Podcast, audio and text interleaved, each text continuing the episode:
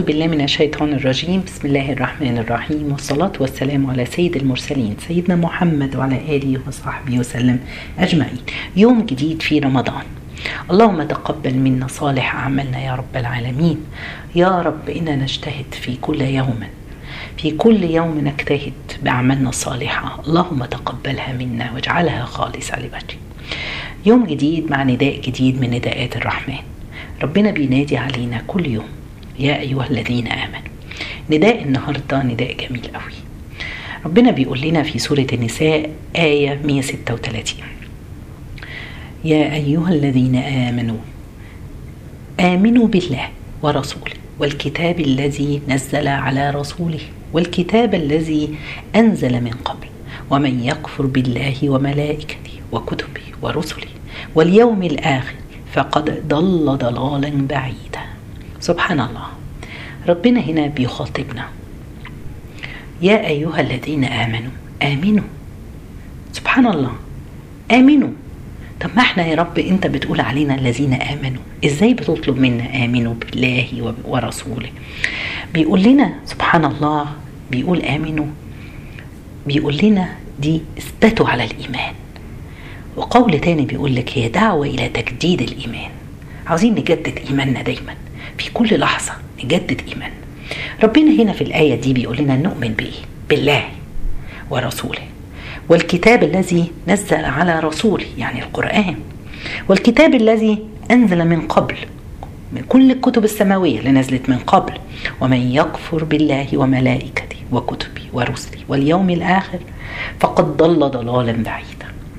إحنا عاوزين سبحان الله دي فيها تقريبا أركان الإيمان كلها الإيمان بالله واليوم الآخر والملائكة وكتبه ورسله. سبحان الله. طيب النهارده سبحان الله همسك جزء. يعني قبل ما ابتدي كده هسأل نفسي سؤال. كلنا بنقول الحمد لله نحن مؤمنين بالله. الحمد لله. هسالكم هسالكم ثمان أسئلة محرجة شوية قبل ما ابتدي. أول سؤال إزاي إحنا بنشوف إن ال 100 جنيه أو ال 100 دولار كتير لما بناخدها للمسجد وبيطلبوا إن إحنا نجمع فلوس. وصغيرة قوي لما بنروح نشتري بيها حاجة في السوق. السؤال التاني إزاي إحنا بنشوف ساعة في طاعة الله طويلة؟ يعني لو رايحين نصلي التراويح في المسجد. لكن ما أسرع ساعة ونص في مباراة كرة قدم؟ أو ثلاث ساعات وأنا مقضياها على ال social media أو الإنترنت أو التلفزيون. ثالث سؤال. إزاي إن إحنا بنشوف إن مجهد قوي قراءة القرآن الكريم وصعبة؟ مع إن سهل قوي قراءة قصة أو رواية 200 300 صفحة.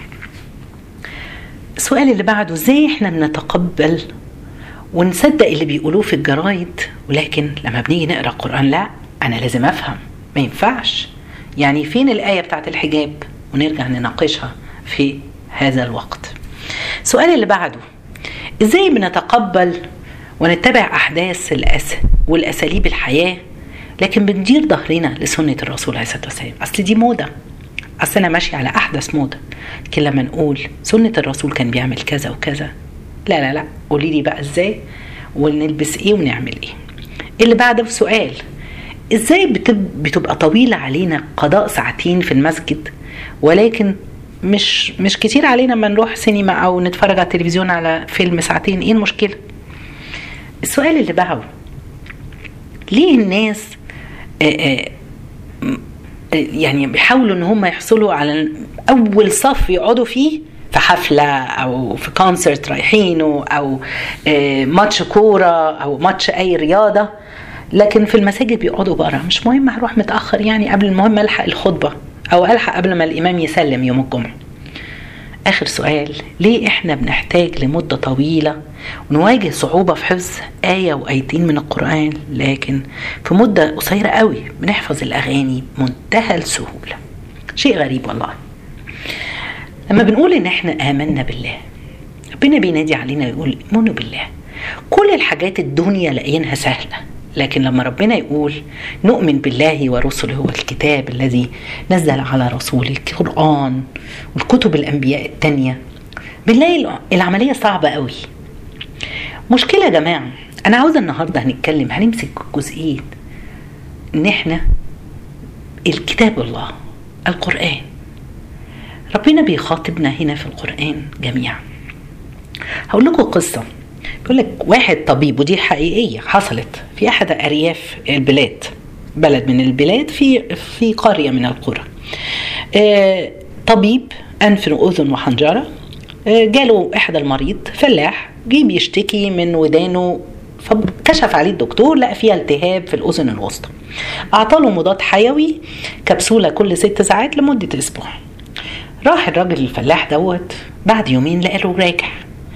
بيشتكي بيقول له الألم زي ما هو ما تحسنش خالص.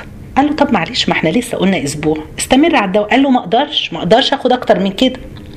ليه يا عم؟ ما هو لسه كام يوم. قال له ما أقدرش يا دكتور.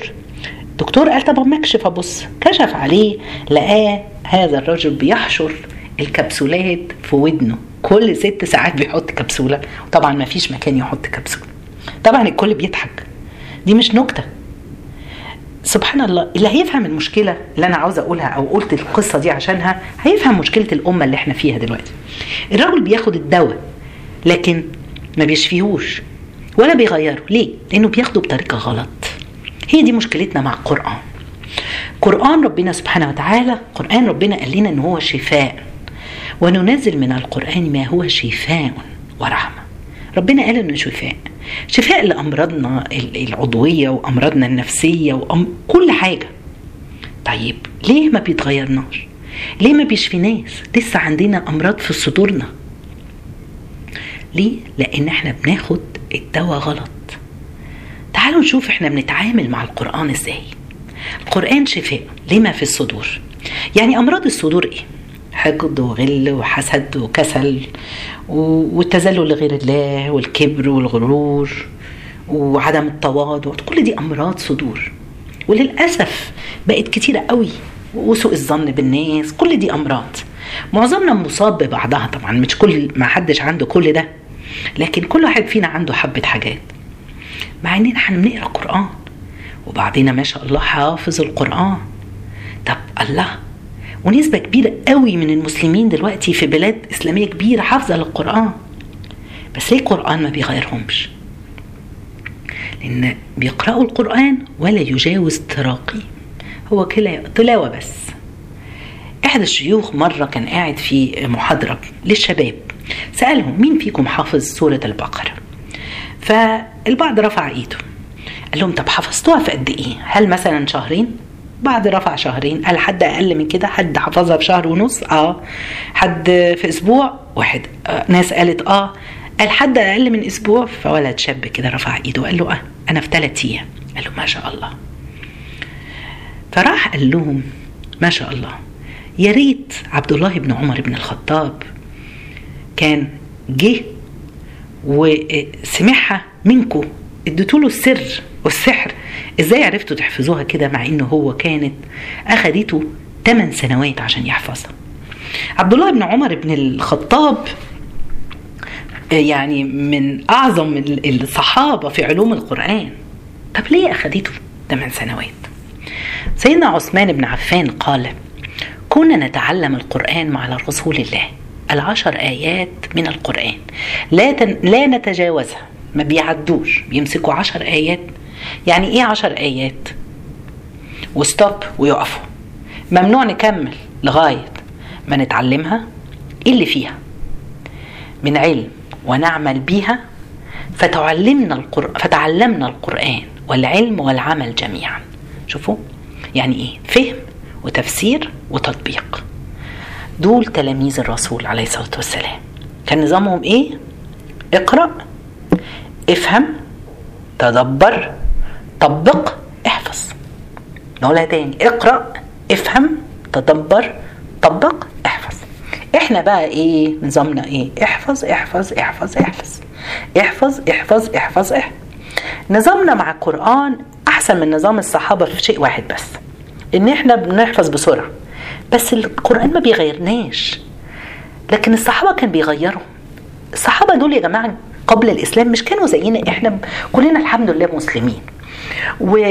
والحمد لله ما كناش مشركين زي كانت الصحابة أيام الرسول كانوا قبل الرسول عليه الصلاة والسلام كانوا كفار. أبو ذر الغفاري مثلا كان قاطع طريق.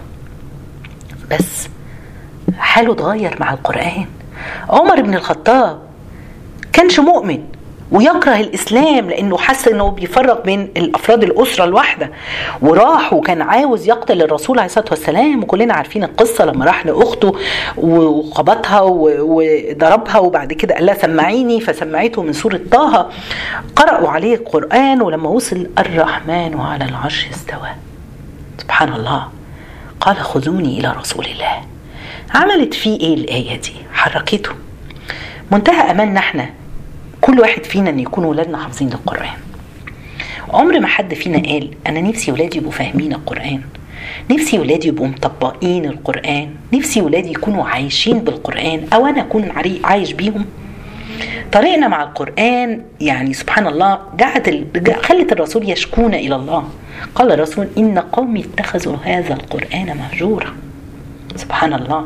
هجرنا. بس إحنا ما هجرناش القرآن ده. إحنا الحمد لله بنقرأ وبنختم. لا بس إحنا نقرأه وبنحفظه وبنعمل مسابقات ما شاء الله في حفظ القرآن وحاجة جميل للأسف إحنا مش فاهمين الدنيا صح. مش مش عارفين نتعامل مع القرآن صح. دلوقتي يا جماعة القرآن بيقرأ يعني ما بقاش يقول لك إيه آه قرآن عاوز تسمع قرآن؟ آه سمعني مشاري. يعني هو بقى اسم أو العجمي أو عبد الباسط أو سبحان الله. ربنا قال لنا كتاب أنزلناه. إليك. مبارك. ليه؟ ليتدبروا آياتي وليتذكر أولو الألباب. تدبر. هو ده اللي إحنا عاوزينه. يبقى أنا عاوزة إيه؟ اللي أنا عاوزة أقوله ليا وليكوا دلوقتي كل واحد بيسمعني. عاوزين نمسك القرآن اليومين دول وإحنا في شهر القرآن آه نفهم صح. تعالوا نشوف حقيقة القرآن إيه. سعيد بن المسيب نموذج العقل أدرك حقيقة القرآن. آه آه وإزاي إن القرآن يأثر في البني آدم وينور له طريقه. بيحكى إن زيد يعني سعيد بن المسيب سمع القرآن تعلمه على يد الصحابة أبو هريرة وعلى زيد بن ثابت وتأثر قوي بزيد بن ثابت.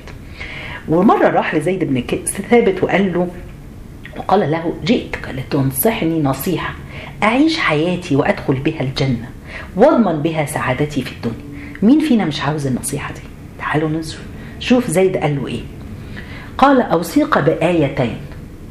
وما الحياة الدنيا إلا متاع الغرور.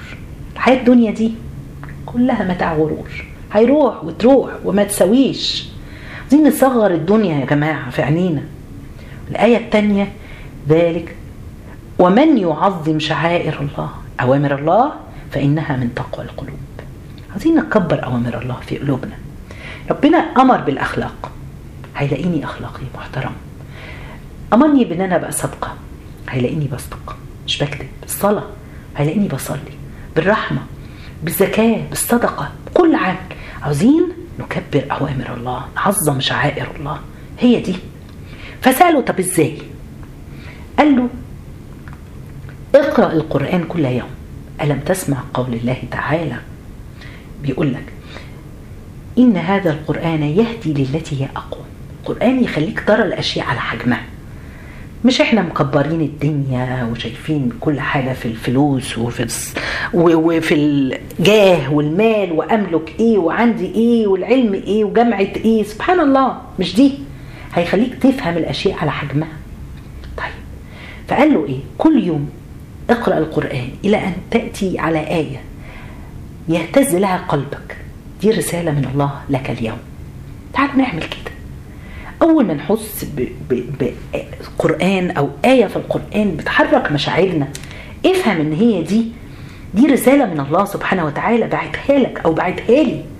سبحان الله. فبيقول لك سعيد أخذ ينفذ على طول. عمل إيه؟ أول آية أراها من بعد ما سمع الكلام ده كانت بتتكلم على الصلاة في المسجد. ربنا قالوا في بيوت أذن الله أن ترفع ويذكر فيها اسمه يسبح له فيها بالغدو والآصال. كلام عن المسجد. ورجال لا تلهيهم تجارة ولا بيع عن ذكر الله وإقام الصلاة. يخافون يوما تتقلب فيه القلوب والأبصار. ربنا هنا سبحان الله. سمع دي؟ قال خلاص. ربنا بيدعيني إن أنا أصلي في المسجد. قعد بعدها. سبحان الله عمره من بعدها ما صلى في بيته ابدا. لغاية ما مات وهو عنده 54 سنة. كان دايما في الصف الأول لمدة 30 سنة بيقول لك ما رأيت قفا رجل في الصلاة ابدا. سبحان الله. ده واحد مسك وأخد وحاول يطبقه. طيب حاجة جميلة. طيب مرة تانية. قرأ آية هو عنده 14 سنة. ليس البر أن تولوا وجوهكم قبل المشرق والمغرب. كان فاكر إن الدين كله صلاة في المسجد بس لكن البر إيه؟ من آمن بالله واليوم الآخر والملائكة والكتاب والنبيين وآتى المال على حبه لمين؟ ذوي القربى واليتامى والمساكين وابن السبيل والسائلين وفي الرقاب. وآتى الزكاة والموفون بعهدهم إذا عاهدوا. ياه الإيمان الخير الإصلاح. فأقسم إن ست أصناف من العطاء كل أسبوع يطلع للناس دي.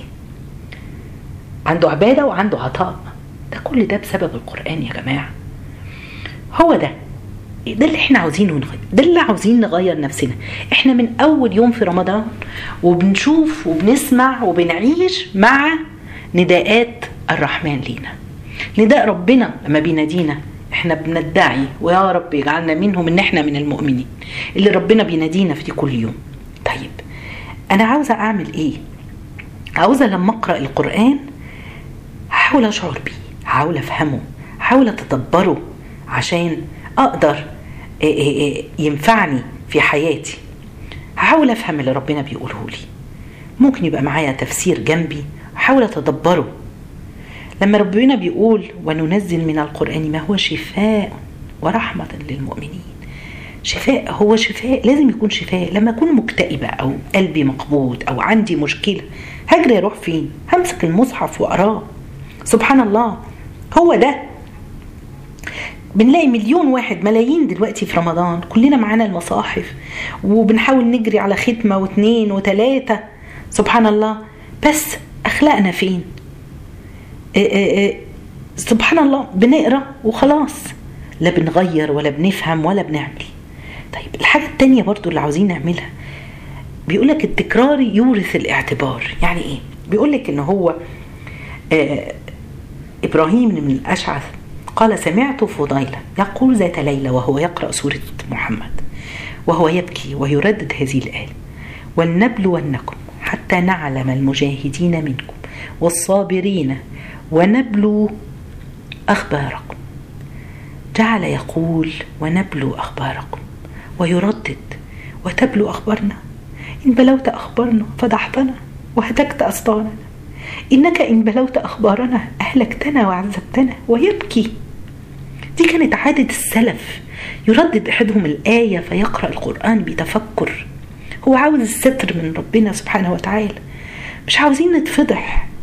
ربنا يسترها. معانا جميعا يا رب. كانوا يكرروا الآيات عشان يحسوا بيها. تالت حاجة كانوا بيعملوها إن كل واحد يشعر أو كل واحد فينا محتاج إنه يحس إن هو المخاطب. أنا ربنا بيكلمني بالآية دي. خلاص؟ إيه إيه إيه. أنا اللي ربنا بيقول لي بيوجه لي دي. بيقول لك على عمر بن عبد العزيز مرة هو أمير المؤمنين أمير المدينة آسفة وكان ساعتها قرأ عنده رجل وإذا ألقوا وإذا آسفة وإذا ألقوا فيها آسفة وإذا ألقوا منها مكانا ضيقا مقرنين دعوا هنالك ثبورا. قعد يبكي غلبه البكاء ويبكي وبصوت عالي ودخل بيته. ليه؟ ليه كان بيبكي؟ الواحد مش فاهم. إيه مش فاهم. لأنه حس إن المخاطب إن هو اللي هيلقى في النار ده هو عمر.